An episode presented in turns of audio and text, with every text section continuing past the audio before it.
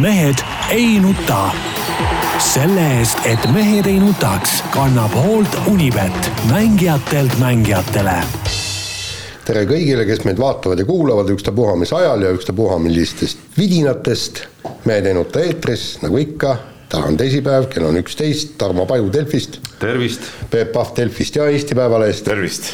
Jaan Martinson Delfist, Eesti Päevalehest ja igalt poolt mujalt vot igalt poolt mujalt ma tulengi ja mul on kohe niisugune südamel, tead, tulin Soomest.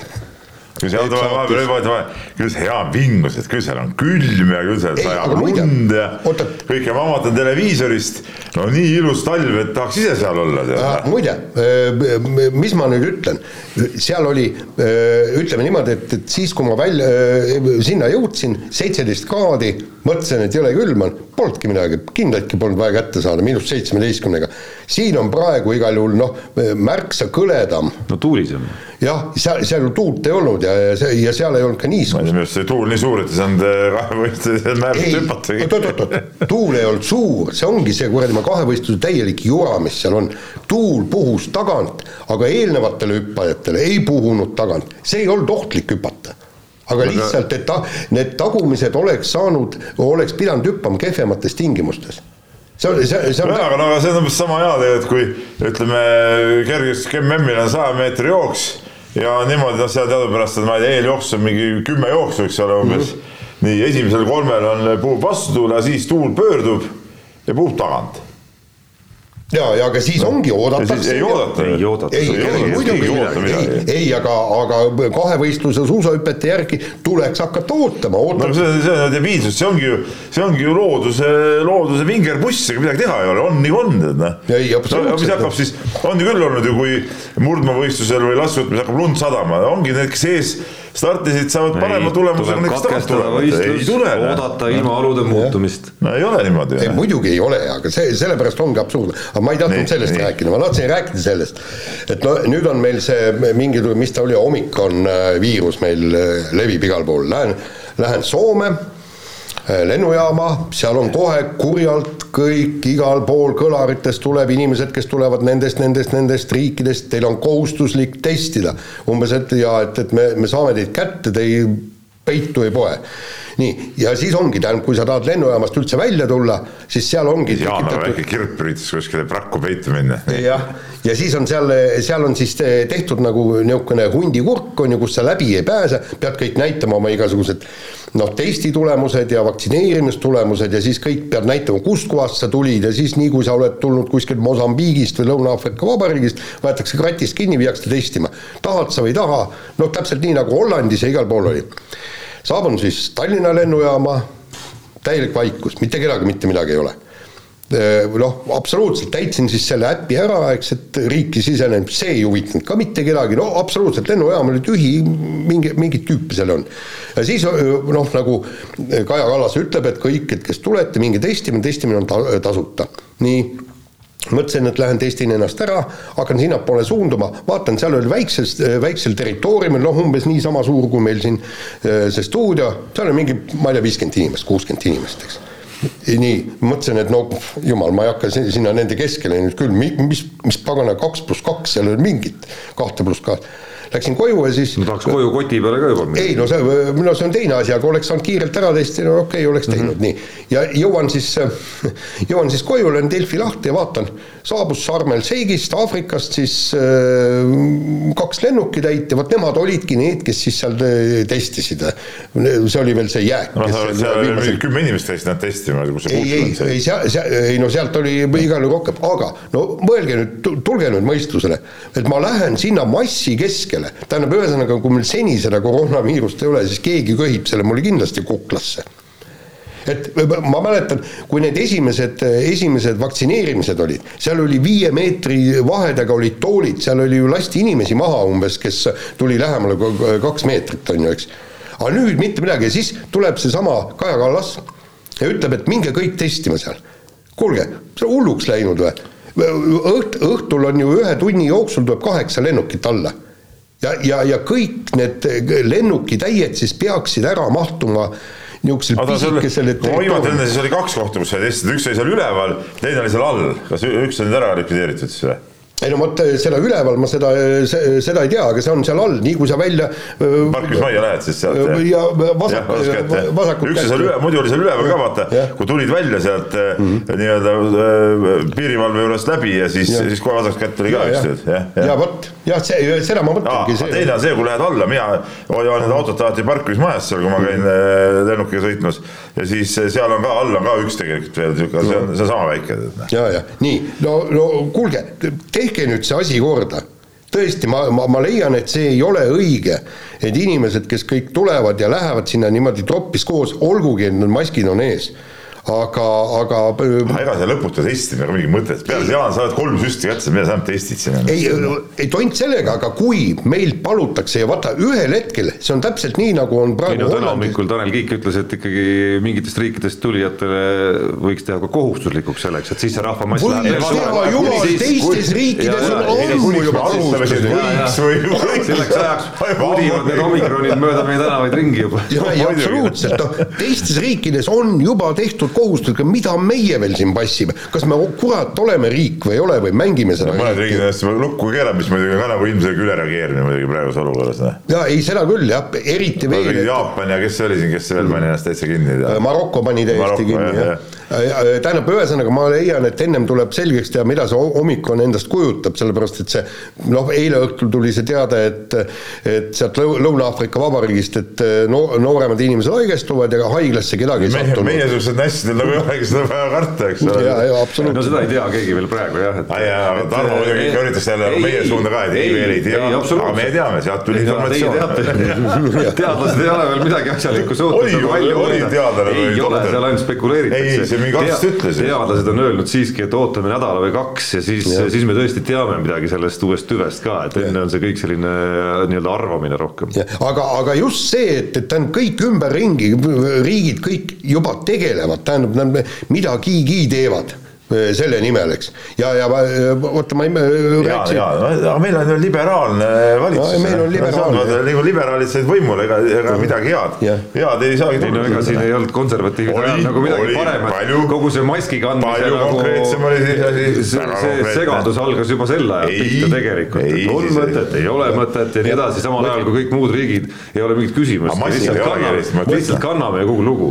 muide, see noor reporter Roosnaga rääkisin, ma ei mäleta kus riigis tema läbi sõitis ja ütles, seal oli ka noh, tähendab üsnagi absurdne, et ta pidi seal näitama, talle anti mingisugune paber kätte, seal võib-olla Austrias tähendab seal, no ühesõnaga piirikontroll oli, aga sellest suurt kasu nagu ei olnud, aga neil on see kontroll olemas ja sellel hetkel, kui on vaja hakata tegutsema ja inimesi saatma testidele, neil on see kõik olemas, kõik on paigas, eks meil ei ole midagi, see on täitsa, täitsa absurd oli tead, tulla siia lennujaama, mitte kedagi ei huvita, kust riigist tuled sa, kuskilt Lõuna-Aafrika Vabariigist tuled siin mis mulle, mis mul hakkas, kui, kui seda kriitikat jätkata, mis mul hakkas nüüd äh, puhkusel käies nagu neid Hispaania reegleid nagu vaadates silma, oligi see süsteemsuse vahe, kus seal olid samamoodi, noh, meil on ka mingi valgusfoor, millest tegelikult ükski elanik ei tea ju tegelikult midagi, mis see mingi värv seal tähendab. mingi jaburus. aga seal oli väga selge selles mõttes, et mingi piirkond on selles tsoonis, mingi piirkond selles ja inimesed tegelikult juba teavad, et kui me oleme nagu sellel levelil, siis meil võib olla, ma ei tea, sellistel üritustel nii palju inimesi, publikut saalis saalis nii palju ja nii palju,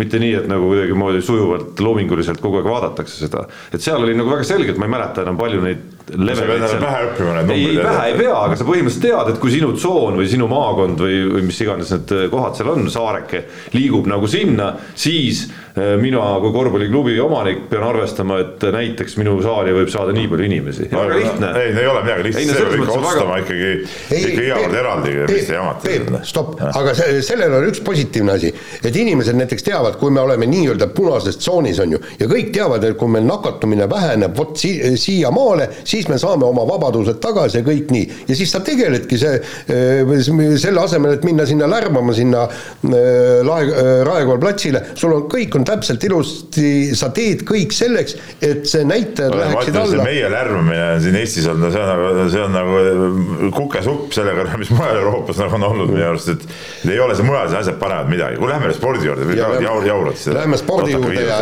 nii, ma vist võin nüüd nagu pooleks tunniks minna siit ära, sellepärast et al alustame korvpallist ja no vastupidi, me ootame sinu- sinu asjatundmatuid kommentaare ma võin kohe prognoosida, et Jaan tahaks alustada, et mis te siin räägite, mingi Saksamaad me juba üheksakümne kolmandal aastal Jah. võitsime. Ei, seda ma tahtsingi ja Euroopa öelda. meistriks tulnud Saksamaad kusjuures. ja ei, absoluutselt, see, see oli üks asi äh, Saksa B-koondist. ja öö, mul on küsimus, kuulge, me paneme võõrsil, paneme Saksamaal ära ja see siis oli ka võõrsil kusjuures. ja ei, ma tean, aga me paneme nüüd võõrsil Saksamaal ära ja nüüd siis kodus ei saa Iisraeli vastu, no kuulge, tulge nüüd mõistusele.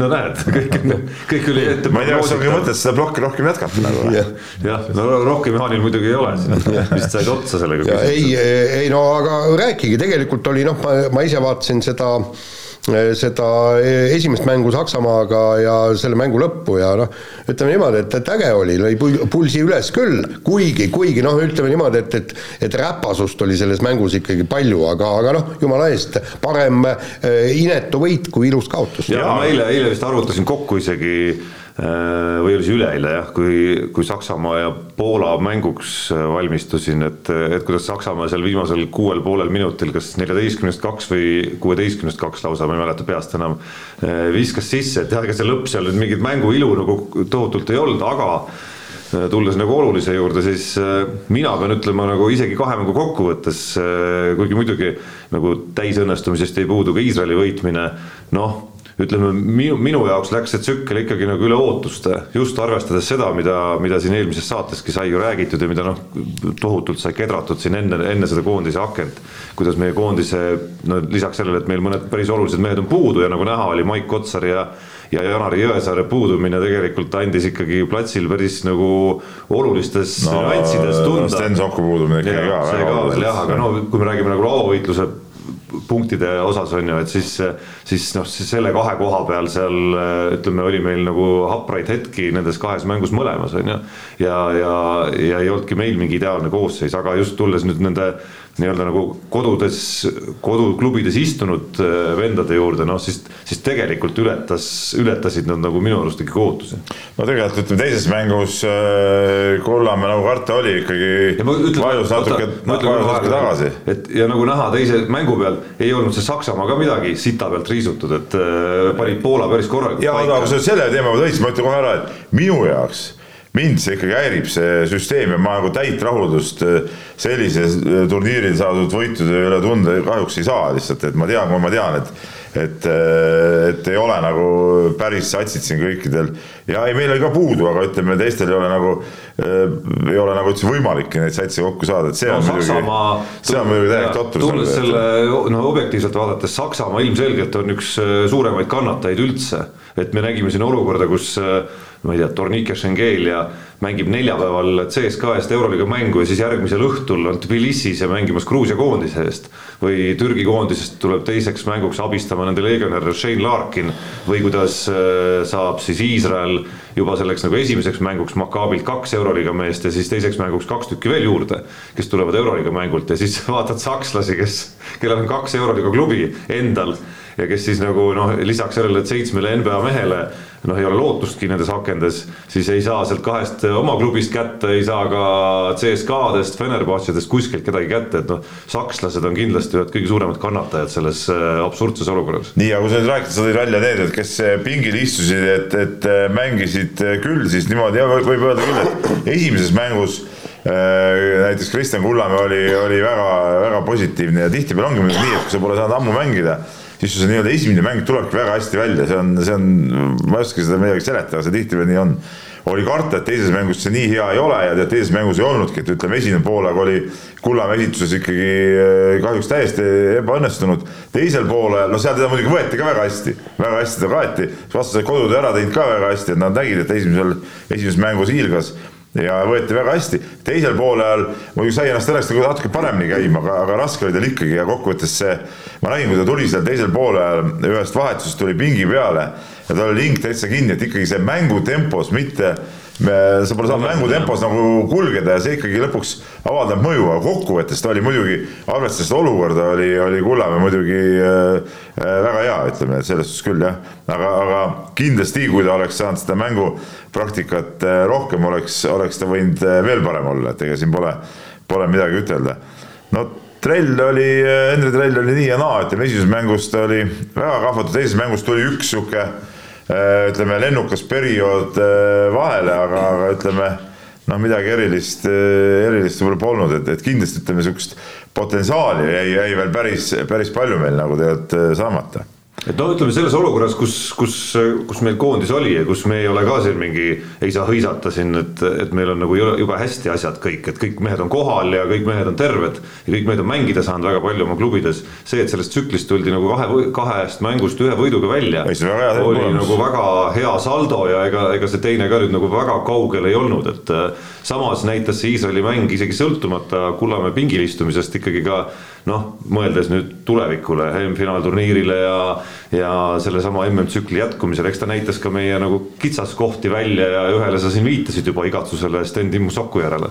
ja et ütleme, ega midagi pole ütelda, aga need Rain Veidemann näiteks pühapäeval mängis väga soliidse mängu jälle, mängu koha peal ka, aga, aga, aga tervikuna kindlasti ütleme, ütleme Soku lisandumine annaks nagu neid erinevaid stiile, erinevaid käike nagu juurde seal treenerile, et see oleks. noh, pluss ta muudaks tugevamaks meid selle surve vastu, mida Iisrael. ja no täpselt ongi neid erinevaid stiile, erinevaid käike jah, ja, ja, ja et kes nagu palliga suudab ikka toimetada nagu surve, surve all ka ja need pallid pikkadele väga hästi äh, kätte anda, et, et äh, noh, seda ta on ju isegi vigase jalaga siin äh, TTÜ meeskonnas praegu näidanud aga ei, tervikuna ja ütleme, ma arvan küll, et võib, võib täitsa, täitsa rahule jääda, et et see võit, üks võit kätte saadi. no ütleme arvan... näppude vahele ju, ju jäi üht koma teist, esiteks noh, individuaalses plaanis juba, et seesama mehed, kes on istunud, on ju, tulid ja said äh, tunda ennast nagu ikkagi väga heade, korralike mängumeestena, on ju.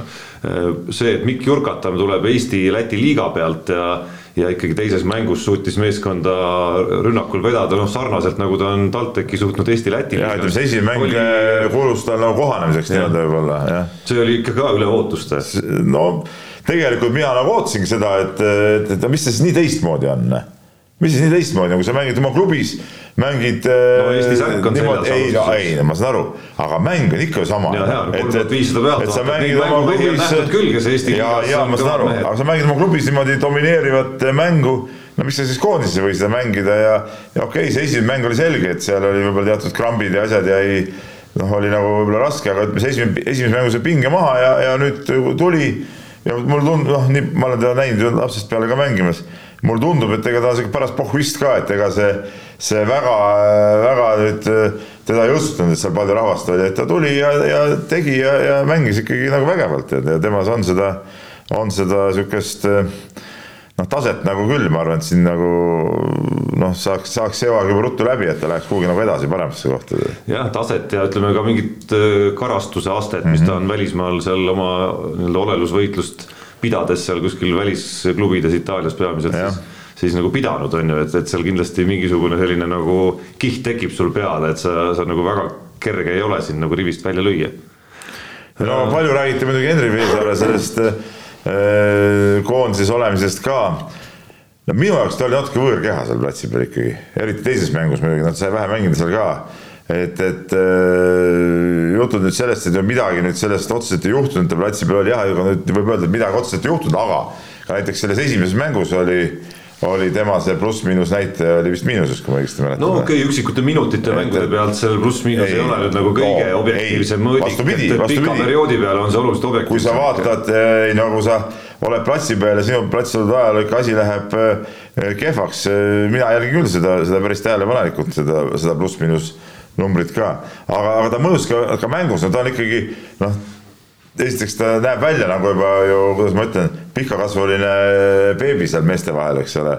et, et, et noh, ta nagu oli seal nagu natuke sihuke, kus, mis tegema peab, eks ole, aga, aga aga ei, see oli see, samas tema koondise võtmine oli absoluutselt õige lahendus, et, et, et peabki võtma, ta sai nendes trennides, sai seda koondise õhku tunda ja, ja sai need mänguminutid kätte, et nii nagu Jukka Toial ütles, et et tuleviku jaoks iga minut, mis ta sai seal, oli, oli nagu üliväärtuslik, et, et sellega ma absoluutselt nõus. aga, aga ütleme, selge see, et ütleme mänguliselt nüüd oleks, oleks vaja meil ikkagi olnud seal natuke natuke tummisemat meest. ja noh, mina teda võõrkehana eriti esimeses mängus küll ei tajunud, et, et mina nagu esimese mängu järel äh, vastupidi olin ja väljendasin seda mõtet, et äh, et mul oli nagu hea meel selle üle, et ta ei olnud, et mul ei jäänud seda muljet selle mängu järel, et oh näe, seitsmeteistaastasele poisile anti nüüd minuteid selleks kuidagi nagu avansiks kätte, et mulle, mulle, minul jäi pigem see tunne, et mul oli hea meel, et, et ta oli ikkagi nagu selleks seal, et meeskonda nagu aidata ikkagi. no ta jäi pehmeks paratamatult ja see aga see on ka paratamatus, et ta jääb pehmeks, et ta ei suuda seda keha panna, aga no see, see ongi, et noh, ta ei noh, ütleme sealt natuke ikka kippus nagu rebenema minu arust noh äh, noh, ütleme nüüd nagu vaadates nüüd nagu aasta pärast seisu, eks ole, noh, et siis noh, eeldus on, et Henri Veesaar selles vanuses ja selles kohas, kus ta on, noh, võiks nagu suuta päris palju nagu edasi liikuda. pluss teisest küljest on meil siis nagu teoorias Kotsar meil on Nurger ja siis on meil Mattias Tass veel ei no aga, aga ja..., aga, aga Veesaar ise ennast ei näegi tsentrina, ma rääkisin temaga ähm, seal enne seda, kui nad läksid esimesele mängule koondise trennis, rääkisin päris pikalt temaga seal. ja, ja siis ta ikkagi ütles, et tema ikkagi näeb endal äh, ennast neljana, et, et seal on tema läbilöögi võimalus, et ta nagu tsentri positsiooni peal ennast no, ei näegi. Kitsing, eks ole, meil Vene no Venemaa mängiks kolme peal, see no ütleme natuke sunnitult võib-olla. aga see ei olnud üldse paha variant minu arust. sest no kuskil on Jõesaar, kuskil on, äh, ma ei tea, Raiestast ei tea hetkel midagi, Trell äh, Jurkatam, nii edasi, on ju, et noh, neid. korraks oli ju, korraks oli päris pikk äh, koosseis meil platsi peal, kui oli Kullamäe oli mängujuhina, Trell oli kahe peal, Vene kolme peal kas äkki oli Kitsing äh, neli ja, või oli Treier neli ja, ja siis äh, see Nurger viis, eks ole, et, et see on päris, päris muljetavaldav koosseis tegelikult. ja päris huvitavaid valikuid igatahes noh, eeldusel, et kõik mehed on terved ja kõik on korras, et päris huvitavaid valikuid no,. Nagu päris huvitavaid valikuid võib see nagu aasta perspektiivis finaalturniiri lähenedes treenerile anda, kaasa arvatud siis nagu tagapool jällegi seesama Sten Timo Soku küsimus on ju, et noh, meenutades seda, kuidas me EM-finaalturniiril pääsesime Permis äh, samal ajal vaadates, kuidas Sten Sokk praegu nagu noh, ei ole ilmselt valmis päris koondist aitama, siis noh, raske on samas äh, ma arvan, äh, ütleme, raske on öelda, et Jukka Toialal ei võiks olla väikest Sten Timo Soku nagu igatsust ikkagi finaalturniiriks no,. ma arvan, et väga tahaks, väga tahaks ta kuidagimoodi saada ikkagi nagu selleks. nagu kõlbulikuks, isegi kui Gerg Riisa tuleb ja teeb hea hooaja Arizonas alla. ei, seda kindlasti, et ütleme, Sokku nad ei, ei asenda, et ega noh, ja see üliõpilaskorvpallist tulek, noh, see on kui on, ütleme seda, see alati ei pruugi olla nii, et üliõpilaskorvpallis oled jõle kõva ja ja tuled siia, hakkad kohe möllama, võib nii olla, aga ei pruugi alati nii olla uh,. Aa, ma ühe, ühe asja tahtsin veel öelda siiski siin teemal, et, et vaadates nüüd nagu edasi, on ju, et et väga omapäraselt nagu see kõik on üles ehitatud, satsid väga erinevates koosseisudes mängivad eri akendes, eriti mis puudutab siis seda juuli, juuli alguse akent kus siis on arvata, et me saame mängida hoopis, hoopis teistsuguse Saksamaa vastu, jah, selleks ajaks ilmselt saame ka ise jõudu juurde, aga noh, Saksamaa muutub ikkagi nagu tundmatuseni. aga noh, mis nüüd nagu see lähiperspektiiv on ikkagi kaks mängu Poolaga veebruari aknas. Poola, kes, kes nagu noh, ütleme üks euroliiga mees ja üks vigastatud mees Saksamaa liigast vist on sellised, keda nemad nagu igatsevad väga järele, et see saab olema siis selline nagu võtmekoht kui teha siin väike puust ja punaseks edasiminek, et kuidas see tsükkel nüüd siit nagu edasi hakkab kulgema. et kui sa, kui suudab Eesti nendest kahest mängust ühe ära võtta noh, kaks võtab ära, siis tegelikult oleme kindlasti edasi. siis on kindlasti edasi muidugi jah. ühe võtame ära niimoodi, et jääme plussi veel ka, noh siis tegelikult on edasipääs ka ikkagi suhteliselt kindel juba Äh, aga noh, kui tahta nagu päris suurelt mõelda, ma loodan, et seal koondises neid noori hässasid on küll, kes suurelt mõtlevad, siis ega praegu ei tasu veel ju ka MM-ile pääsu nagu maha matta kõlab no, nagu utoopia ühest nurgast. ärme nüüd hulluks ka lähe, äh, noh, sinna on ikka pikk maa minna veel, et, et praegult see esimene ring on ikkagi see koht, kus äh, lihtsalt noh, seal ju sõel on veel ikka väga hõre, tead noh. no seal on hõre, lõpuks tuleb neli satsi juurde. sealt saavad, sealt saavad ikkagi praktiliselt kõik edasi, kes edasi tahavad saada. jaa, aga meil tuleb neljas, neljane grupp, neljane grupp, kus kolm tuleb seltsi sellele kolmele edasisaajale. on selline huvitav grupp ju, kus on Soome, Rootsi, Horvaatia ja Sloveenia. ja Horvaatia eriti mängib siin mingi naljameeskonnaga neid äh, aknaid kogu aeg, nii et ma ei ole kindel, et nad üldse edasi pääsevad sealt. ehk siis sealt võib tekkida päris huvitav selline nagu Äh, edasipääsu korral selline nagu kuuene grupp, kus neid nagu päris suuri nagu ei olegi tegelikult peale Sloveenia ja, ja kes mängib ka nagu naljakoosseis. ja, ja nendest, kes on siis nagu meie grupis, et see ongi kogu see suurte seltskond siis. et selles mõttes nagu huvitav äh, intriig, aga noh, vaatame esialgu, kuidas Poolaga hakkama saada. nii on jah räägime suusatamisest, äh, talv on käes ka meil, rõõmustame selle üle loomulikult. juba vaatan äh, terviseradade kodulehekülge, refresh'in iga hommik, et kaugel ja kus suusarajad on, aga, aga suursuusatamine on loomulikult ka alanud ja, ja on alanud äh, suures plaanis ikkagi ses mõttes ju toredalt meie jaoks, Jaan, olles Põhja-Soomest tulnud, et et jäi näppude vahele ikkagi Kristjan Ilvese selge arenguhüpe nojah, nii no, võib öelda. no mina ütlen tegelikult, et nädalavahetus ikka, ikka suur pettumus. see, ei no tervikuna oli. ei, ei tervikuna, tervikuna küll. oli, ei no Ilves oli muidugi, tegi oma sõidus, noh Ilves on nagu, nagu noh, ütleme väljapool süsteemi, aga, aga kui me võtame meie suusatajad meie laskesuusatajad. kellest ma parandan, noh, ei, ei olnudki väga nagu oodata. ei, vastupidi, me siin eelmine saade rääkisime siin, kuidas kilp alati avavõistlusel on kõva aga nüüd, eh, mis seal oli, eh, suusad oli pidanud ja, ja siis veel hakkas külm ka. ei, külm temal ei hakanud. hakkas küll ju seal teisel distantsil ju, ju varbad hakkasid külmetama. ei no seal hakkavad kõigil varbad külmetama, aga see ei tähenda midagi, eks. aga, aga seal oligi just see, et, et noh, pärast selgus, et, et me nagu ei ei valmistunudki hooajaks nii nagu tavaliselt, eks see kiirustreeninguid ei teinud, mis sprinterile on hädavajalikud, tegelikult null koma kaheksakümmend kolm sekundit jäi edasipääsust puudu, mida ei ole palju, eks. et, et, et et aga, aga, aga see jutt, et me valmistume nüüd olümpiamängudeks. teised asi oligi, saime ühtlasi selgeks ka selle, et, et meie valmistume olümpiaks, teised õnneks ei valmistu, tähendab, teised olid juba, olid praegult juba head ja, ja selge see, et, et et ei, ei norralased, venelased, äh, seal keegi olümpiaks ei valmistu, et põhimõtteliselt kilp äh, kindel olümpiavõitja, noh et seal keegi teised nagu konkurentsis pakugi. no ma olen nagu ikkagi kergel moel nagu pahviks löödud väikese tähega selles mõttes, et äh, et me nägime ikkagi nagu suures pildis nädalavahetusel päris olulist läbimurret, ma tulen selle Kristjan Ilvese juurde tagasi ja siis keskendud siin oma Marko Kilbile. ei, Ilvese juurde me kohe jõuame. me räägime ikkagi sellest, et me saime juurde potentsiaalse suurvõistluste medali pärast võitleja. ei, me räägime praegu suurest pildist. see ongi suur pilt. laskesuusatamine, suusatamine kõik see osutus täielik, täielik blamaaž oli. no okei okay,, räägime siis. aga räägime Ilvesest. ei no. või ma ei tea, millest no, räägime. no räägime Ilve, Ilvesest, tähendab Äh, panite tähele, eks esimene äh, distants oli viis kilomeetrit ja seal oli ta hüppe järel oli vist viies, eks ju mm. -hmm. nii, ja, ja aga vahed olid väga väikesed.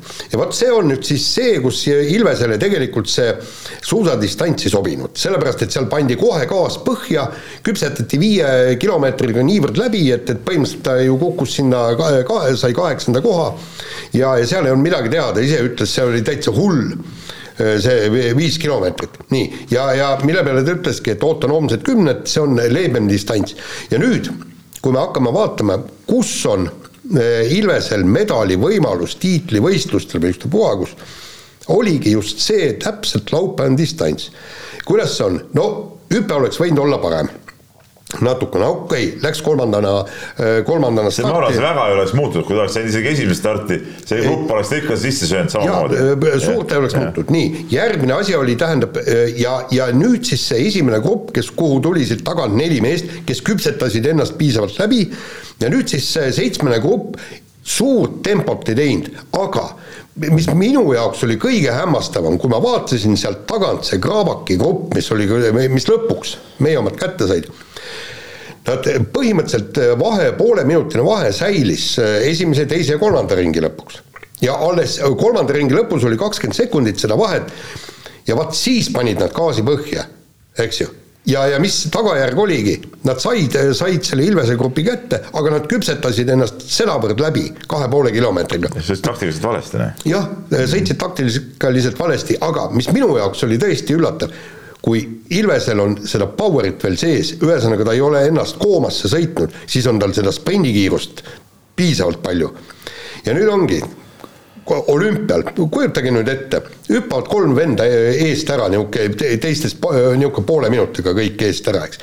ja võtavadki seda esialgu rahulikult, siis tuleb sealt vaikselt teine grupp, tead kuskilt niimoodi jõuab järgi ja kõik nii ja, ja, ja kui sama värskena Ilves läheks sinna tõesti viimasele tõusule, viimane lõpusirgele, vot siis oleks kõik võimalik. aga, aga see peab täpselt nii, nii kui see Kravaki grupp oleks pannud gaasi põhja esimesel või teisel või kolmandal ringil, oleks kohe, nagu Ilves ütles, oleks viieteistkümnes võit pole olnud. jaa, no see, ütleme tundub, et ka kahe võistlus tänu, ütleme, ärme rutta nüüd ette, on ju, et uued võistlused tulevad ja loodame, et see, et see tase püsib, on ju. et seda, seda tuleb enne tõestada ka, et aga noh, väikest sihukest elevust ja tunnet on, et, et kas nagu vanad ajad tulevad tagasi, kus, kus me teadsime ikkagi Fabrice Kiisid ja Klaus Sulzenbachereid ja vendasid Eldeneid ja kõiki juba une pealt, on ju, et see, see vana hea, see on nagu kümnevõistlus natukene on selline teine selline eh, lapsepõlve selline nagu äh, mõnus mälestus ikkagi äh, ala, kus, äh, mida oli nagu kogu aeg une pealt iga eestlane ju teadis, mis seal nagu toimub, on ju, aga see ala on ju päris palju muutunud selle ajaga, kui seal Allar Levand ja Ago Markvart äh, kõrgete kohtade ees sõitsid, et noh, sellist üksinda sõitmist nagu toona Calgary olümpial ju kõik, kõik need vennad seal, esimese, esimesed vennad, kes seal nagu vähegi lähestik olid, olidki Allar Levandi selja taga vist. kuskilt seal finišisirges viies-kuues või kes seal olid, tulid seal natukene lähestikku. et sellist üksi sõitmist ju tänapäeval nagu ei ole tegelikult, et see, et see kõik on läinud nagu gruppidesse, mis tähendab, et seal see nagu ootamatuse ja ettearvamatuse osa on nagu päris suureks kasvanud ja mis omakorda annab siis nagu päris päris paljudele ju ka võimalusi, on ju, sõltuvalt sellest, kuidas Kristjan Ilves, mis gruppidesse sa satud, on ju, kas need grupid otsustavad parasjagu noh, oleks olnud ka variant ju selles sõidus, et seal selles samas esimeses grupis keegi otsustab ikkagi, et me ei lasegi üldse järele seal juba seda esimest väiksemat gruppi. nagu nagu kõik oleks siis välja näinud, mine sa tea, ei, absoluutselt, seal, seal võtame, seal ju ebaõnnestus Frenzel ju minu meelest ebaõnnestuseks sõidumees. siis soomlane, mis ta oli, Ilka Ärola. ja no Riiber oli üldse puudu. Riiber oli puudu, aga, aga kui see soomlane oleks ka natukene paremini hüppe teinud, ta on ju väga kõva sõidumees, eks. ja, ja, ja kui, kui kõik, kõik need, et see see, see ühesõnaga selleks, et võita medal või saada poodiumile või kuskil nii, selleks peab see mängulaud olema ikka täpselt niimoodi äh, sobivalt paigas. nii kui sealt tuleb kuskil mingisugune, mingisuguseid äh, noh, ebasobivaid momente siis läheb raskeks. aga noh, esimene eeldus sellel tundub vähemalt selle etapi ja nädalavahetuse põhjal on täidetud see, et, et sa ei kuku välja nendest gruppidest, nii nagu seal väga mitmed sellised head hüppajad ikkagi. hakkavad pudenema, on ju, et ripuvad ja ripuvad seal grupi lõpus kogu aeg ja siis ühel hetkel ikkagi ühe kiirenduse peale langevad ära. küll, aga kas see ikkagi see, see kombinesooniga mäkerdamine nüüd lõpuks maksis kätte, eks ole MK-sarja kokkuvõttes ju punktideta jäämine ühelt etapilt on ju oli päris valus tagasilöök, et kas see oli, see oli küll nagu natuke sihuke altminek või? no see oli, see oli selge see, et altminek, aga vaata, seal oligi nagu, nagu ta ütleb, et me kogu aeg kompame piiri. no jaa, aga no kas on ikka nii palju mõtet kombata neid? no jaa, aga tegelikult sa raiskasid see... ära praegu, ühe, kui sa tahad MK-sarja kokku võtta, saad normaalset kohta mm, -hmm. sa raiskasid ühe võistluse praegu ära. Äh, nõus, aga teine asi on ju see, et, et see oli tegelikult esimesel etapil, noh, okei okay,, ta ütleb ka, et, et veidikene karmimalt vaatavad, aga vaata, see ongi esimesel etapil äh, ja, ja tegelikult noh, tuleme veel tuule juurde tagasi, kui sa vaatad neid ilmastikutingimusi, värke-särke, eks, et külm tuult ei ole, et see ongi, riskida just sellel eelvõistlusel ongi kõige õigem, sest, sest sellega ta tegelikult ei oleks tohtinud midagi kaotada ju. Äh, eks. no hooaja jooksul seda ikka paar korda juhtub vist. ei, aga see, äh, ei, aga seal on nüüd niimoodi, nüüd ta sai endale täpselt äh, teada, et, et kuskohast ja mida korda, umbes kombinatsiooni korda, nüüd on tal täpselt olemas kõik see õige asi. ja see tuulejama oli ikkagi selles mõttes, ta oli ikkagi absurdne et ühtäkki neliteist äh, hüppajat on äh, alla tulemata ja hakkab tuul tagant puhuma ja kusjuures mitte ohtlik tuul, oleks algusest peale olnud äh, niisugune tuul, mingit probleemi oleks, kõik oleks hüpanud lõpuni välja, noh. oota, aga milleks see tuule kompensatsioonipunktid siis on, kui mitte sellise asja jaoks? Jaa, aga seal, seal on see, et, et need kompensatsioonipunktid ei kata seda, seda vahet ära, kuna sealt kolm pool meetrit mis sekundis vahet see ongi? Looduse mäng, ma räägin ma olen ka, ma, ma, ma olen no. ka sinuga täiesti nõus, tegelikult nad oleks võinud viia äh, sinna, äh, nagu Ilves ise ütles ka, nad oleksid võinud tõsta poomi ühe-kahe astme võrra, ütles, et okei okay,, ma ei oleks võib-olla saanud nii head tulemust, aga ma oleks saanud võistelda vähemalt. No aga praegu selleks, et kõikidel oleks võrdsed tingimused, lihtsalt katkestati võistlus ära, see on ka ja noh, parasjagu totrus. no mis on, mille, no okei okay,, Kristjan Ilves, Kristjan Ilves, eks, ülim totrus on see, et võistlust lihtsalt ei toimunud, on ju. mis on ju no, nagu spordile kui sellisele kõige suurem kahju. ei no võistlus no, toimus ju pärast ju suusatamine see ongi, seda ma räägingi, et see seal. ma hakkasin segast peksma praegu. ja aga, aga neil on jõle hea see hüppevõistlus ära jätta, sellepärast et noh, näed, meil on eelvõistlus, meil on tulemused olemas, aga nii, kui, kui me räägime nüüd siis sellest nii-öelda miinuspoolest, kõigepealt pool plussi paneme veel Arte Aigrole, kes esimene päev ta ikkagi ennast, ennast põhivõistlusele vedanud, aga, aga siis hüpe hüppelt läks paremaks ja nagu ta ise ütles, mul oleks vaja sada hüpet teha, noh, tal oli ju jalavigastus. jaa, ütleme, ta oli ka eelmine aasta samal tasemel. jaa, oli küll. selles suhtes nagu seal nüüd mingit äh, hüpet ei ole praegu toimunud, noh, okei, see vigastus no, tuleb seda vigastust arvestada ikkagi, et see, et ta sellest hoolimata oli ja. ikkagi samal tasemel juba või vähemalt andis märku, et võib-olla see, see, ma arvan, läheb kindlasti positiivse poole peale. absoluutselt, aga nii, laskesuusatamine, Tuuli Toomingas, noh, enam-vähem. ei, oota, mis asja, noh? noh, mis asja? tuli uus peatreener õpetas nii-öelda väidetavalt meie, meie mehed suusatama. suusatama õpetamine ei käi siis ei, ju paari kuuga. kuule, aga sõitaks veel aeglasemaks, kas äkki võtke oma vanad sõidutehnikad tagasi siis? no tundub küll nii ju. mis asi, mis, mis nali see nüüd oli siis, noh? kuule, ei olnud üldse nagu mängus ju. kui ma hakkasin vaatama neid tulemusi, põhimõtteliselt see distants on ju, eks, et noh, distantsiks kutsutakse viisteist ja kakskümmend kilomeetrit, neli lasketiiru sa lased kõik nulliga, nagu Kadri Lehtla tegi. ja, ja sa, sa, sa ei saa isegi punktidele ligilähedalegi. andke mulle palun mõista, mis mõte on selle alaga tegeleda täpselt sama kusjuures, kusjuures sprindis on äh, puhtalt lastes veel raskem, äh, kui sa nii aeglane oled kuhugi saada, kui distantsisõidus, kus sa pead minuti juurde. ei, aga miks ei ole mõtet tegeleda? ei, aga miks no, kui mulle meeldib see ala. Tarmo, küll, aga no, Tarmo, aga siis tegele, siis tegelegi selle alaga äh, kuskil külavõistlustel, käi Estikatel ja, ja kõik, aga mitte koondises. mitutkümmend sportlast ju kui sul ei ole puhta laskmisega või, võimalik isegi punktidele ligilähedal jõuda, meie, Tarmo ja Peep, me võiksime kõik kolmekesi samamoodi minna sinna praegu MK-etapile ja me oleks samal tasemel, ka meie ei suuda punkte teenida mitte mingit vahet ei ole. see, kas sa oled seal seitsmekümnes üheksakümnes, mingit vahet selles ei ole. no siis peaks punkte ei saa. kõik mitukümmend inimest ütlema, et okei okay,, ma ei tegele. ei, aga vaata, nendel on, vaata, võta nüüd Johanna Talijärv lasi seitse lasku mööda, eks ole ja jäi vist viimaseks, ei oli vist avadistantsi viimane. see on nagu arusaadav, eks ole, et me te, kõik teame, et Johanna Talijärv, kui ta laseb kõik pihta siis tõenäoliselt saab punkte on äh, väga suur. no veel me ei tea, aga. ei, muidugi teame varasemat, või millal sai, millal sai äh, Kadri Leht viimati punkte? no päris ammu. viisteist aastat tagasi, ma arvan, tead noh. ja, ja aga siin on ka kõik, kõik teised peavad ka ikkagi väga tõsiselt peeglisse vaatama. et kui sa, kui sa ikkagi no, kui me arvestame ka selle sprindis kui me arvestame seda, eks no paneme isegi okei okay,, paneme teile veel kakskümmend viis sekundit äh, selle ühe ringi peale, trahviringi peale ja, ja kui sa seal ka ei ole nagu punktide lähedal, no siis on ka midagi tuleb ju lõpuks ette võtta. Et, et, et ei ole mõtet käia seal no, mina, lihtsalt seda enam, et nad, seda enam, et enne hooaja algust oli juttu, et et me nüüd peaks nagu kohe alguses, no Sahkna rääkis ju ka seal seda ju, et kohe alguses peaksime olema kiired ju, oli, et siin ei ole nagu seda taha ei saa nagu pugeda, et, et siin mingi olümpiaks valmistumine, et elu on näidanud, et, et ega siis, kui sa alguses oled maha jäänud, ega siis pärast seda tagasi ei võta, nii ongi ju noh nii ongi, et, et selles suhtes oli, ma arvan, et, et see oli nagu nende endile ka halb üllatus, no et midagi kuskil on, on ikkagi mäda tead, aga, aga noh, et, et ei ole nagu mingit, kui me lootsime võib-olla, et uue peatreeneriga ikkagi tuleb kvalitatiivne hüpe ja tegelikult hooaja avavõistlus on juba see koht, kus seda ütleme, tahaks nagu uut levelit näha, noh siin ei ole, see ei ole nagu sihuke nagu kokku nagu pallimängu peal, mina siin mingit kokku mängu harjutada ja see kõik alles tuleb ja tuleb et no tegelikult tahaks juba kohe näha seda siuksel alal seda hüpet, aga praegu oli, oli pigem nagu, nagu tagasiminek, seal kohad olid ju, ju esisaja lõpus, teise saja alguses ikka enamus kohad. No, mina, mina isiklikult, ma tulen korra juurde tagasi, mina isiklikult ei tunne, et Kadri Lehtla otsus veel võistelda olukorras, kus ta on äh, piisavalt hea, et kuuluda Eesti koondisse, kuuluda nende laskesuusatajate hulka, kes pääsevad konkreetselt sellel päeval sellele distantsile, minult midagi ära võtakse.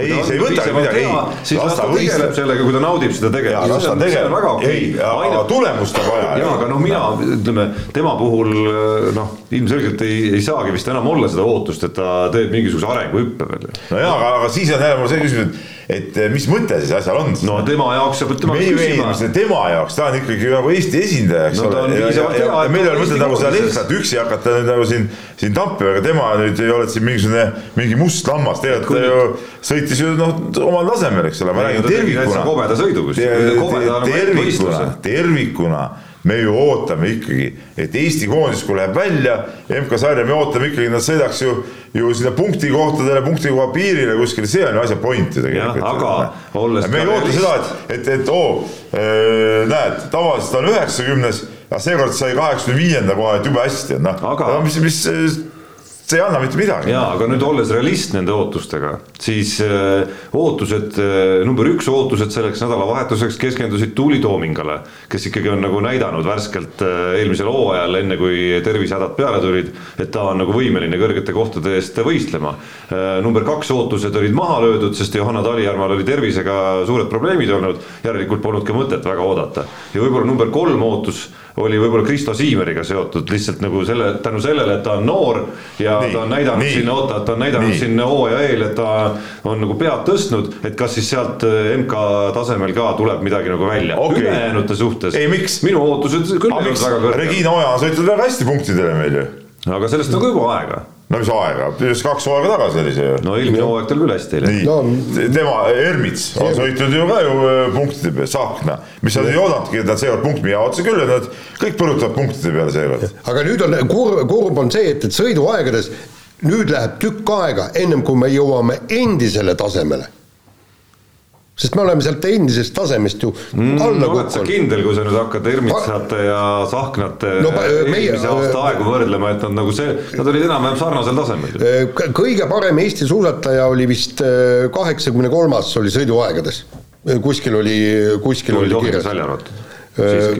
jah, vist ja,, vist ilmselt küll, jah. ei, kindlasti kohe. jah, aga kõik ülejäänud oli kaheksakümne kolmas, noh no sellega, sellega ei ole kallid inimesed ja, ja, ja üks, kellele muidugi peab parandust tegema, on äh, Johanna Talijärv, sest et noh, temal oli see haigus, ta pole saanudki ennast äh, sisse töötada ja, ja nii palju trenni teha, et see on nagu arusaadav, et seal temal ongi tarvis neid võime väga hea, et ta, et ta sai selle koondise koha nagu nii-öelda konkurentsiväliselt et temal on, noh, on tema ka sportlane, nagu sina ka ütlesid, kellelt me nagu ootame et, et las ta nüüd äh, töötab ennast nagu sellest haigusest üles nagu tagasi, eks ole.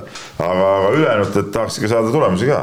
vaadake nüüd kella ja lähme järgmise. nii, lähme edasi. noh, ja, ja, ja siis tulles selle põhiootuse juurde, noh äh, noh, kui, kui milleski pettunud olla ja ta ise oli ka pettunud pigem, näost oli näha, Tuuli Toomingas, eks, et, et ega. muidugi eelmine aasta samal ajal ta oli palju kõvem. jah, täpselt, et ta lootis, et ta on kiirem, on ju, kahjuks me väga hästi nagu teada ei saanud siis, et, et mida nad kasvõi ise arvavad, et, et miks nad olid aeglasemad kui aasta tagasi. et võib-olla sõnum ka Indrek Tobrelutsule, et kui teete ETV-ga siis kokkuleppe, et Tuuli asju tuleb kaamera ette kommenteerima Indrek Tobreluts, et siis võiks võib-olla öelda ka, et kus nad siis näevad, et sekundit puudu jäi, mitte öelda niimoodi, et et äh, ei, ma siin ei hakka siin rääkima nagu jube mingi salapärane värk, noh, ma ei tea, mis seal siis, mis seal ja, siis nii salapärast see intervjuu oli ebaveider jah, peab tunnistama. nii, aga lähme nüüd edasi ja, ja jalgpall on siin teinud jälle kõva soorituse, FC Flora siis, kes mängib äh, jalgpalli tugevuselt neljandas vist äh, eurosarjas kolmandas ikka, kolmandas ikka, Peep hakkab kohe siin nagu. ei no aga vanasti oli ju meistrite karikasari, karikavõitjate karikasari, UEFA karikasari, nüüd on mingisugune, mis see nimetus on, kus nad mängivad? konverentsiliiga mm. -hmm nii, noh siis on ju neljas. ei no ja. nagu sa tead, äkki ikkagi vahepeal kaks sarja moodustavad siiski Euroopa liiga. UEFA kariksarja enam pole. UEFA, mis ta täpselt nimi on? ei, mingit Euroopa liigat pole, see on nagu põhimõtteliselt vana karikavõitjate kariksari, mis on tulevaselt teine. nii, okei okay., aga üldiselt seal mängisid tugeva, peab tõesti tunnistama, tugeva Belgradi partisaniga, panid kodus üks-null ära, ausalt öeldes Flora on äh, minu silmis ennast selles sarjas juba igatepidi ületanud ja, ja Indrele viis selle eurosarja läbinud ja nüüd on mingi teoreetiline võimalus üldse edasi saada isegi. no, no see, see tundub on... nagu väga teoreetiline. no jaa, aga see võimalus on olemas. see võimalus on olemas. sama teoreetiline oli ka see, et me partisani kodus võidame ju tegelikult, näe mm me ja see, sa tõesti arvasid, et see võimalus on olemas, mina küll ei arvanud. eriti pärast uudist, et no. Äh, mitu põhimeest olid ju Vassiljev ja, ja Zappinen vist mõlemad olid pingi peal või? ja neid oli veel aga, aga samas noh, see partisan on, tähendab, ütleme, ma, ma tõesti ei oska öelda, kui tugev ta praegu on, aga mäletad, isegi Vene ajal oli see partisan oli ikka ülikõva. kas ta, kas ta ei ole isegi võitnud mingisugust äh, Euroopa liigat omal ajal aastaid tagasi? täitsa võimalik, jah. et ja sellele ära panna ja ärge unustage, mis on võib-olla sama tähtis kui edasipääs pääsuvõimaluste säilimine või isegi tähtsam, viissada tuhat eurot laekus jälle pangaarvele. teine asi on see, et Äh, ütleme, mida rohkem võite saab, seda no vist tõstad sa Eesti reitingut ka, eks ole, noh, et, et see on nagu oluline, et me ei pea jälle alustama kuskilt äh, uuel hooajal või no uut, hooaega vist ei mõjuta vist ülejärgmist hooaega mõjutab vist rohkem, kuskilt sealt muda, muda tasemelt no ma sattusin juhuslikult, et see huvitav hetk oli samal päeval, sattusin siis kommenteerima sellist Serbia ja Läti korvpallimängu ja sattusin tuhnima natukene Serbia spordiportaalides ja siis eh, noh, kuna ma olin natuke teises inforuumis, siis ma väga seda Flora mängu ei saanud nagu jälgida, ühel hetkel vaatan, seal jookseb nii-öelda uudiste feed seal korvpalliuudiste kõrval eh, mida siis Google'i abil on võimalik tõlkida. Ja, ja tuli siis uudis ette sellest samast Partisani ja Flora mängust, mis oli samal õhtul siis varem ja siis ma lugesin seda, see oli niisugune portaal nagu Mozart Sport, ma soovitan üles otsida kõigile, kes arvavad, et ma ei tea, Eesti spordiajakirjanikud teinekord karmid on, siis te saate aru, mis, mis asi on karm. et sellist teksti, nagu oli siis see Serbia ajakirjanik kirjutanud Belgradi partisani kaotusmängust FC Florale, ma ausalt öeldes vist ei ole oma elus nagu lugenud, et see oli selline nagu päris mitu tuhat tähemärki teksti, kus nagu iga teine lause nõretas mingisugusest irooniast, sarkasmist, vihast, kurbusest, kõik asjad olid seal sees. ja noh, see kokku võib võtta ikkagi nagu ühe lausega, et eh, kuidas see oligi, et FC Eesti klubid ei ole eurosarjas kunagi see on siis mitmekümne aasta jooksul nüüd juba võitnud ühtegi mängu nagu alagrupi faasis. Ja nüüd meie kuulus Belgradi partisan olime need piinlikud kotipoisid, kes siis nagu esimest korda lasid sellel juhtuda. umbes selline oli selle asja nagu kokkuvõte. no vot nii, nii, aga hästi kiirelt äh, selle saatuse viimane teema, kes on siis Eesti spordi mõjukam aastal äh, kaks tuhat kakskümmend üks, me äh, andsime välja mõjukate numbri ja meie EP naiskond on kõige mõjukamaks sinna pandud kas ta on nii? no muidugi on nii, mina ise ikkagi selles komisjonis ja, ja, ja ma nii on. no ma juba eelmine nädal ühes, ühes erisaates olin, ma küll komisjoni lõpusirgel ei osalenud, olin eemal, kus ma ikkagi nagu vaidlust, mul oli hea positsioon vaidlustada kõiki asju, mis seal nagu äh, ilmunud oli ja ikkagi, ikkagi äh, ütlesin, et mina isiklikult äh, noh, paneks Anett Kontaveidi näiteks kõrgemale, kui ma järele mõtlen, paneks Ott Tänaku endiselt vist kõrgemale, et see vehklejate mõju oli selline väga hetkeline. tead, ei, see vehklejate mõju selline, kindlasti no, nagu kus nad tõesti Eesti rahva ühendasid. no see Kontaveit oli ka hetkeline, see üks, üks aasta kestnud juba, eelmise asja oli lõpp, hooaja lõpp korraks. see, see EP naiskonna olümpiakuld, see jääb meid saatma ma loodan, et mitte kaua, kaugemale kui Pariisini, aga, aga vaadake, kui kaua äh, oli äh, Kanter olümpiakuld. Kogu aeg räägime viimane eestlastest olümpiavõitja. Ja, ja see olümpiavõit, mis meil on, me, me ikkagi hindame, läheb kakskümmend, kolmkümmend aastat mööda, noh, Kontaveidist jah, oli meil väga hea tennisist, no kui ta suurt slämmi näiteks ei juhtu võitma või võtame see hoo-, see hooaeg, kes mäletab enam seda, et oli WTA finaalturniiril, aga olümpiavõitu mäletatakse ju põhimõtteliselt igavesti. finaalturniiri võitjaid nagunii keegi ei mäleta peast. no just. ma ei mõtle isegi võitu või kaotust või nii nagu Ott Tänakugi puhul, lihtsalt seda äh, püsivat võimet äh, läbi aasta, läbi nädalate, läbi päevade äh, minna korda ikkagi. ei, ei, nüüd sa, nüüd sa natuke segast juttu, sest et ütleme, hooaja keskel Kontaveidi mängud nüüd erilist huvi keegi ei pakkunud. eriti veel need, see kaotuste seeria. see kaotuste seeria, ütleme siis ütleme, äh, kui ütleme tänaks teeb rallit ja Kontaveit mängib tennist, siis nagu öö ja päev, vaid ikkagi ralli kasuks, see on ka selge. no hooaja lõpus juba Kontaveit äh, ütleme, kerkis pilti päris hästi, aga noh, okei okay,, see, seda noh, see kogu selle mõjukate ja, ja mõju puhul saab ju rääkida nagu noh, sporti konteksti pannes veel eriti nagu kahest väga nagu noh, omavahel tegelikult nagu väga keeruliselt seostatavast äh, mõjust, noh, üks on siis see, mida sportlane saab omada, minnes korda fännidele, võites midagi, pannes rahvast rõõmustama, kurvastama ja nii edasi, noh nagu Ott Tänak või, või vehklejad või Anett Kontaveit, aga noh, kuskil on see nagu selline, kuidas öelda, mõju, mõju see, see, see, mil, kuidas mõju saab nagu mõista võib-olla nagu veel otsesemalt, noh et, et siis me jõuame Aivar Pohlakute ja, ja, ja kindlasti ka Urmo Aava ja, ja tema kaasvõitlejateni, kellele vist nagu konkurentsi väga nagu ma arvan, ei paku keegi hetkel. ja ikka ma tuleks korraks ikkagi tagasi, ma praegu mõtlesin su jutu ajal selle peale. ma ei tea, mis Jaan, sina arvad, aga, aga, aga ikkagi sellist emotsiooni nagu andis see olümpiavõit, pole ma, ma arvan, no aastaid, aastaid saanud. jah, ma, ma olen sellega see, nõus, jah. et noh, siukest, ükski asi äh, ei ole nagu ligilähedalegi saanud sellele, sellele momendile, mis seal oli. just sellepärast, et vaata neid eelmised medalid, kes no kulda ei olnud. mäletad see ja. Nabi medal, kui ta, kui ta kaotas selle finaali on ju, seal, seal ei olnud seda emotsiooni. võib-olla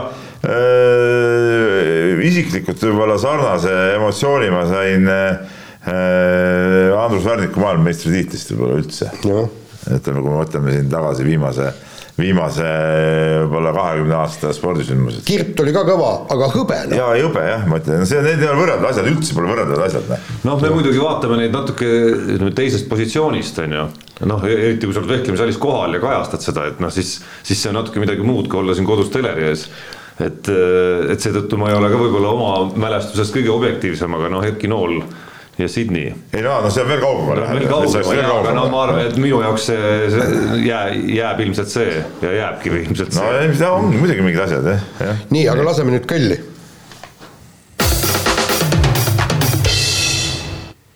jätkame kiire vahemänguga, meil on tõesti noh, alla kümne minuti selle vahemängu jaoks ja ameeriklane Kelly Allen Hintz Junior pani Kadrina karudelt pihta mängu vormita, saadeti nagu mm, koju, laps oli sündimas, läks mängima seal mingi, ma ei mäleta, mingi Hondurase mingit X-liigat ja siis järsku avastati, et pooled mänguvormid või osa mänguvorme ära tassinud. Ja siis vend põhjendas, et jaa, et, et tassisin ära jaa, aga et noh, et mul laps sündimas, et talle kingituseks tahtis nagu saada ja siis. aga sa kohe nii suur laps, et kohe peab see vormi selga. no ei, ilmselt küll jah, ei, aga seal on, seal on mingisugune muud jamad igal juhul olid ja see ja siis see Kadrina pani ju, andis Fifale teada, et kuulge, meil on siin Fibale, me, või Fibale, et, et siin on tuuri pandud asjad ja aga noh, ta on mängida saanud ja nüüd on need vormid kõik tagasi, tagasi saatnud, aga niisugused noh, ma, ma ei kujuta ette, see, ma, ma, ma ei oskagi, mingi ajunihe tekib inimesel, noh sa kujutad ette, Peep, et näiteks sulle mängija läheb ära, läheb ära no, Peep peabki nüüd ikkagi mingid meetmed mm., mingid lukud, värgid äh, kasutama. ei, ma ei vormid no seal oli näha, tegi seal kuskilt ruumi lahti. mul ei ole niisugust ruumi, vormid on ju laiali jagatud mängijatele ei no jaa, aga siis näiteks mingi vend ütleb, et kuule, ma pesen täna vormid ära ja siis umbes kolm vor-, vormi paneb sealt kui mõni mängija tuleb, ütleb sulle, kuule treener, et tead, ma hea meelega, ma peseks ise kõik vormid ära. et siis sa tead, et asi on kahtlane. sihukest, sihukest mängijat ei tule lihtsalt.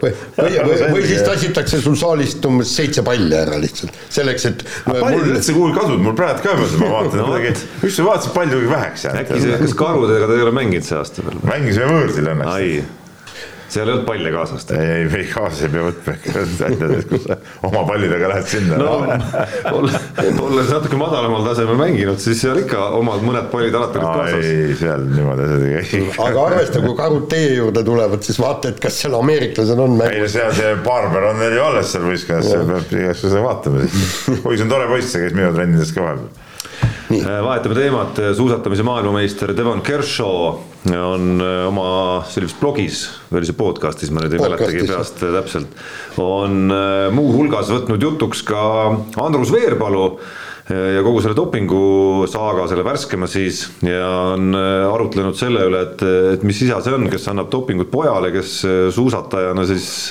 noh, Jaan on kirjutanud siin sakib täiega. no aga see on, ta ütleski saks. ahah et tunnen tema pojale Andersile nüüd kaasa siis, kes, kes noh, ei kujuta ette, mis tunne on olla suusamaailma stardis perekonnanimega Veerpalu.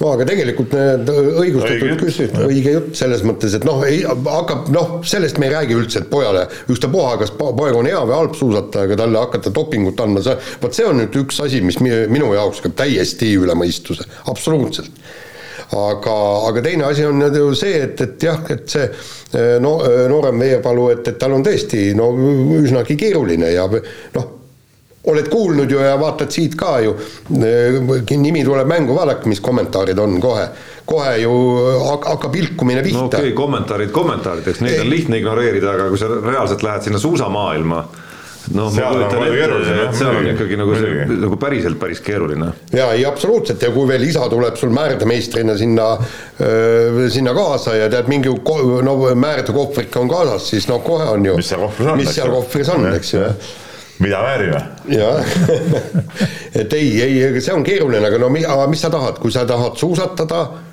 sa ei hakka ju nime ei, seda muidugi, seda muidugi, aga noh eks see, eks kõik need kriitikanooled lähevad ikka Andrus Veerpalu suunas, et siin nagu kedagi teist süüdistada, süüdistada ei ole.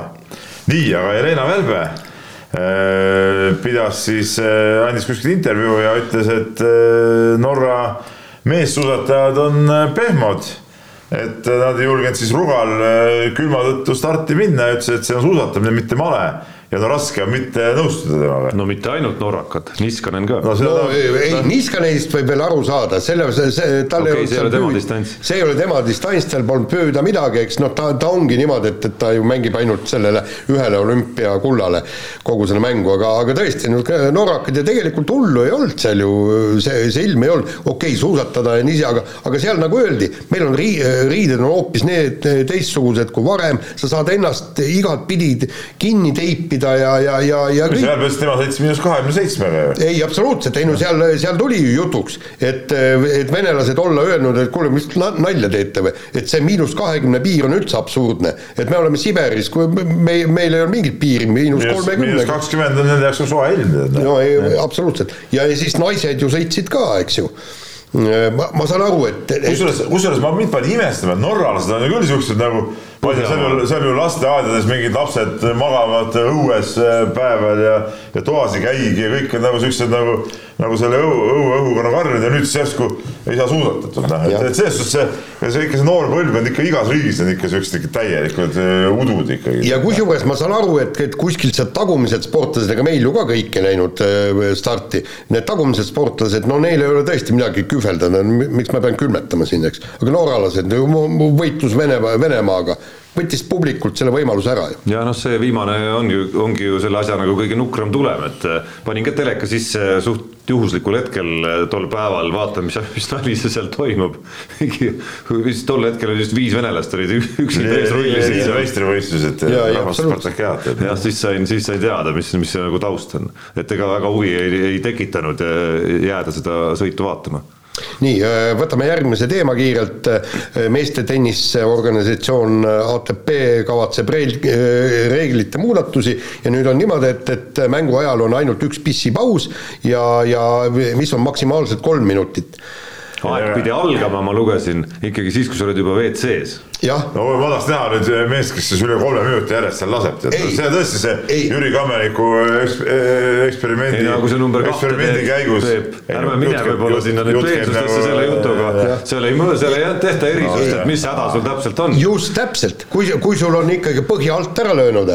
no siis on oma viga. ei no okei okay,, põhja. rohkem ju see, et kui sul on seal ütleme suure stämmi turniiril mingisugune Äh, viietunnine mäng. viietunnine matš, noh, aga mis teed siis, lased siis nagu, ma mäletan, keegi jalgpalliväravat lasi põlvili värava kõrvale maha ja paistas ära, eks ole, mis seal teed siis? ei, aga, ei, aga teine asi ongi see, tähendab, kui mul ei ole. pampersid jalga siis või? ei, ei, ei. no Rätiku poisi tellid sinna juurde, võtad pudeli ja ajad ära asja ei, absoluutselt. ükskord oli, kui me olime väiksed poisid vennaga, siis me olime selles äh, mingis kämpingus, eks ole. me ei ole kindel, et me tahame teada, ema, isa läksid läksid, eh, no õhtul meid jäeti sinna magama, eks ole, läksid eh, siis seal sõpradega, aga ma ei tea, minu arust ema pani ukse väljast lukku ja minu arust läks vennale. hakkab mingit lapsepõlve traumadest rääkima. häda tuli peale ja lõpuks ei olnud ka muud valikut, minu arust lasime pudelisse no vot ideid on Sven, ma küll. tean, kuulab saadet, et keda, keda mulle helistab, tuletab täpselt meelde. minu arust see oli, minu arust see oli Puises, mingi sihuke koht on kuskil seal lääne, lääne pool. ei, ei, aga küll see asi ära aetud saab, lähed lihtsalt lased, soristad nurka, ütleb, et aga mul reeglid ei luba mul teistmoodi käituda, on ju nii? ma ei tea, kindlasti mingi etikett seal on, aga. Ei, etikett. aga Ei, no siis, pallipoiss äh, hoiab hoiatuse. siis räägib, panen nagu tuletõrje vooliku. kastad ühtlasi väljaku ära. nii, aga kiire vahemängu lõpetuseks ei saa muidugi mainimata jätta, et tuleb vist lõplikult anda otsus, et Jari-Mati Latvala oskab küll seda tiimi juhtimise asja, nimelt siis pikendas lepingut Toyota rallitiimi pealikuna. no oota Noh. et mis mõttes? et ikka veel, ikka veel ei ole sinu arust kindel, et ta ei oskab või?, kuulge, Latvalale, noh, auto ehitas ta valmis või? kes selle tegi? Ta ise tegi. ei teinud, no tema Mägine. no tema sõitis ju seal. ei no mida ta sõitis? no muidu sõitis küll, jah. kehvalt, kehvalt sõitis. kes kehvalt sõitis siis? ei no Ott Tänak tuli ja tegi selle no, asja korda, ütles need, need autod, alustas, ma esimesel hooajal ikkagi Latvala võitis sellega ju mingeid rallisid ka ei ta ei võitnud eh, selle autoga rallisid, aga ta kuidas ei võitnud? Latval ei võitnud Toyotaga rallisid või? ei, kui esimesel aastal, no ei no,, mis sa jamad? ei, oota, okei, nii, ei, kohe, kohe selle teeme, ei, räägi, räägi oma juttu. ja ei, ma räägin räägi oma juttu. nii, teine asi, sõitjad olid paigas, eks, midagi ei pidanud kokkulepet tegema, eks, ja kui sul on niisugune, vaata, Latvala ise ju ütles ka, et mul ei olnud tiimi bossina suurt midagi teha, et kõik oli niikuinii paigas, kõik, kõik asi toimis. vaata, kas ta võitis. nii, ta võitis äh, Toyotaga muuseas, ma mäletasin täpselt Rootsi ralli, ehk siis teine ralli, mille, mis ta Toyotaga sõitis, võitis kohe ära. no vot, jaa, aga no, ma, esiteks Monte Carlos oli ta teine, kohe esimesel oli teine, siis tuli võit. jaa, aga seda ma Samal hooajal veel üks ütlengi, teine Mäginen ehitas auto, vaatame nüüd järgmist hooaega, vot järgmine hooaeg, kui tal tuleb äh, sõitjatega manipuleerima hakata, eks, et millal panna O- Ossier sõitma ja, ja kuidas see on. Ja kuidas ta selle auto valmis saab, vot seda ma tahan näha. uus auto, see, mis Mäginen tegi, Mäginen tegi hea auto, nüüd me vaatame, kas Latvala suudab sama hea auto teha. ühesõnaga latt Peep, nagu sa aru saad, on ikkagi kõrgemal selleks, et olla hea tiimijuht. no just, kas Adamo on hea tiimijuht? ei ole aga kes on üldse hea tiimijuht siis? Polegi. Mäginen oli, Mäginen oli hea tiimijuht. laseme kõlli. Unibetis saab tasuta vaadata aastas enam kui viiekümne tuhande mängu otseülekannet. seda isegi mobiilis ja tahvelarvutis. Unibet, mängijatelt mängijatele Nonii, kas äh, kiirrong nimega Jaan Martinson Ei, äh, ei, ma ei- NFL-i panustega on ma teinud ma olin püha, vahepeal, pühapäeval ju reisisin ja ma ei, ma, ma ei saanud isegi panna, et no jumal tänatud, siis Ja- selle rongi vastu, kui see tuleb, no sealt ei ole midagi teha. aga, aga nagu ma sa, sain aru, et, et teie saite mõlemad äh, rikkaks, sest noh, korvpallispetsid, no ilmselt äh, jagasite välja, et tuleb Eesti peale panna mängus Saksamaa vastu ja noh, Peep, said või? Ma unustasin ära, et pidime mängima seda mängu. päris nukker lugu tegelikult, Jaan, noh on ju tegelikult, sa oled nagu vanem mees ka kümmekond aastat umbes on ju. noh, sa suudad nagu suhestuda, mis eas vaata, mis nagu, kuidas su nagu keha, aju ja kõik asjad nagu muutuvad, on ju. ja noh, Peep, ütleme nihutab neid, neid, neid piire nagu noh, mis, mis sina oma kogemustest ilmselt oled ikkagi nagu saanud, vaata. oota, stopp, tegelikult ma olen vist kuulnud Peebu parteisse, kurat neljapäeval olid NFL-i mängud ja ma vist mingi panuse panin. aga panid ikka või? see on veel hullem minu arust. ma pean minema vaatama kuskilt. No palju õnne teile, no palju õnne tõesti, mina kusjuures jah, pean ütlema, et tõesti Kossule panin paar tükki, mõlemad olid võidukad valikmängudega seotud siis. Ja Eesti peale panid, jah? minu saldo on kolmsada üheksakümmend üheksa kopikatega. Eesti peale panid või? Saksamaa kusjuures ei pannud, selles mängus ei pannud, küll aga häbi tunnis, ei tegelikult ei ole. väike investeering oli siis teise mängu kuskil äh, tol hetkel, kui Eesti pani, Mikk Jurkatan tuli ja hakkas kolmesid laksima Eestisse juhtima, siis tol hetkel ma panin Iisraeli peale, sest koefitsiendid muutusid. Läksin kiiresti, tegin ühe väikse siksi seal ja, ja see siis osutus võidukaks. kahjuks, tõsi, peab ütlema, aga uue nädala äh, eripanus, meedianuta eripanus tuleb ikkagi korvpallist, jääme ikkagi Žalgirise juurde, kodus Victoria Baskooniaga mäng, kus võiks äkki oodata, et äh, et Žalgiris võitu saab. selle panuse täpset suurust veel ei ole väljas, nii et hoidke pilku peal. no Žalgirise mäng on paremaks läinud. absoluutselt, absoluutselt. kuigi ütleme, see Barcelona vastu muidugi oli nagu raske seda tõestada, eks ole, tead. kuule. aga noh, see oli vägev. aga veel vägev muidugi oli see muidugi, mis oli ka, eh, ma olen vaadanud seda eh, üks korda kümme võib-olla seda, kuidas see Barcelona noorkutt eh, selle kolmese paneb ja koos sõber Kalev Kruusi emotsionaalsete kommentaaridega, et see oli vägev, sa oled näinud seda? ei, ma ei ole näinud seda. ei ole näinud seda? aa ah, okei okay., soovitan vaadata. pean üle vaatama. nii. kirjad, kirjad. kirjad, kirjad ja alustan saate ajal tulnud kirjaks, kus siis Ardo Sann kirjutab meile, et ei tea spordist vist midagi, laskesuusatajad ei pääse MK-le peale, kui sul pole ibupunkte, nii et Jaan võib laskesuusa Kurru, Purru saarel võistelda. lisaks MK-etapil ka tagumised annavad võistkonnale punkte ja selles seisneb palju äh, neil OM-il peale pääseb, kas saame teateid ikka välja panna või mitte? kolm, kolm suusatajad annavad äh, punkte ja, ja mitte kõikidel distantsidel, vaid teatud distantsidel. ehk siis tulen tagasi selle jutu juurde, Kadri Lehtlast oli meil väga palju kasu. rahu, rahu, naistel on meil see nelik on olümpiale sõitmiseks peaaegu kindel, mina niimoodi aru saan, et seis on suhteliselt, meestel on kolm kohta, meestel on tarvis. ja, ja meestel on muide, asi on kriitiline. asi on päris kriitiline meestel jah. nii et äh, oleme kursis, oleme kursis. nii, aga Kalle Kaljula, äh, meie vana sõber Kalle kirjutab ja, ja kirjutab nii, ajakirjanike seas kütab kirgi aasta naissportlase valimine, vanakooli meestel olümpiamedal muidugi ülimuslik, aga siin lööb välja tugev silmakirjalikkus. hea võrdlus on tennise aastalõputurniir versus Tallinna mõõk. meile tuuakse koju kätte maailma karikavõistluse etapp olümpiavõitjate osalusel ja mitte kedagi see ei huvita. piinlik oli vaadata ERR-i portaali arvutipilti ilma kommentaarideta ja Postimehe ülekannet ingliskeelsete kommentaaridega, mis läks rahvusvahelisele väl-, rahvusvahelisse netipilti koha peal oli rahvast hõredalt. tennise aastalõputurniirile Mehhikosse saadeti aga igast väljaandest kohale reporteri ja Delfi tegi ülekande koos kommentaaridega. kas olümpia ülemuslikkuse jutt ei ole silmakirjalik? ei ole, Kalle, ei ole silmakirjalik. kohe seletan, meie olime kohal ka Tallinna mõõgal mõistagi väga, väga tihedalt ja korralikult ülekanne, miks ERR sellest normaalset ülekannet teinud, see kivi läheb muidugi nende kapsaaeda, minu arust igal juhul oleks pidanud olema mitte portaalis, vaid ETV-s normaalne ülekanne sellest. ma ei usu, et see oleks äh, teile kalliks läinud, väga-väga äh, kalliks, ütleme see mingi õiguste omandamine. mis puudutab Mehhikut, siis nojah, Mehhikos olime ka kohal, et, et me olime nii Tallinna mõõgal kui Mehhikos võrdsel kohal. Ja, ja miks me üle, miks meil ülekanne oli, siis me näitamegi. Äh, tennise WTA turniiride ülekandeid, noh väga lihtne. ja, ja, ja sama, samas me ei saa. see ei tähenda seda, et, et olümpiavõit ei oleks kuidagi kõvem kui aastalõputurniiri finaali jõudmine, loomulikult olümpiavõit on kõvem. ja, ja teine asi on see, et, et kui me hakkame populaarsuse järgi mm, vaatama, siis noh, põhimõtteliselt ma arvan, et, et kas Eesti jalgpalli või korvpallikoondis peaks olema kogu aeg parim võistkond, sellepärast et seal ju käivad alati kõikide toimetuste ajakirjanikud käivad käivad kohal, näidatakse no,. igast toimetusest vähemalt kaks inimest, vähemalt no, kaks inimest. no just täpselt, et järelikult noh, populaarsuse järgi ei ole üldse teistel mitte mingisugustki võimalust.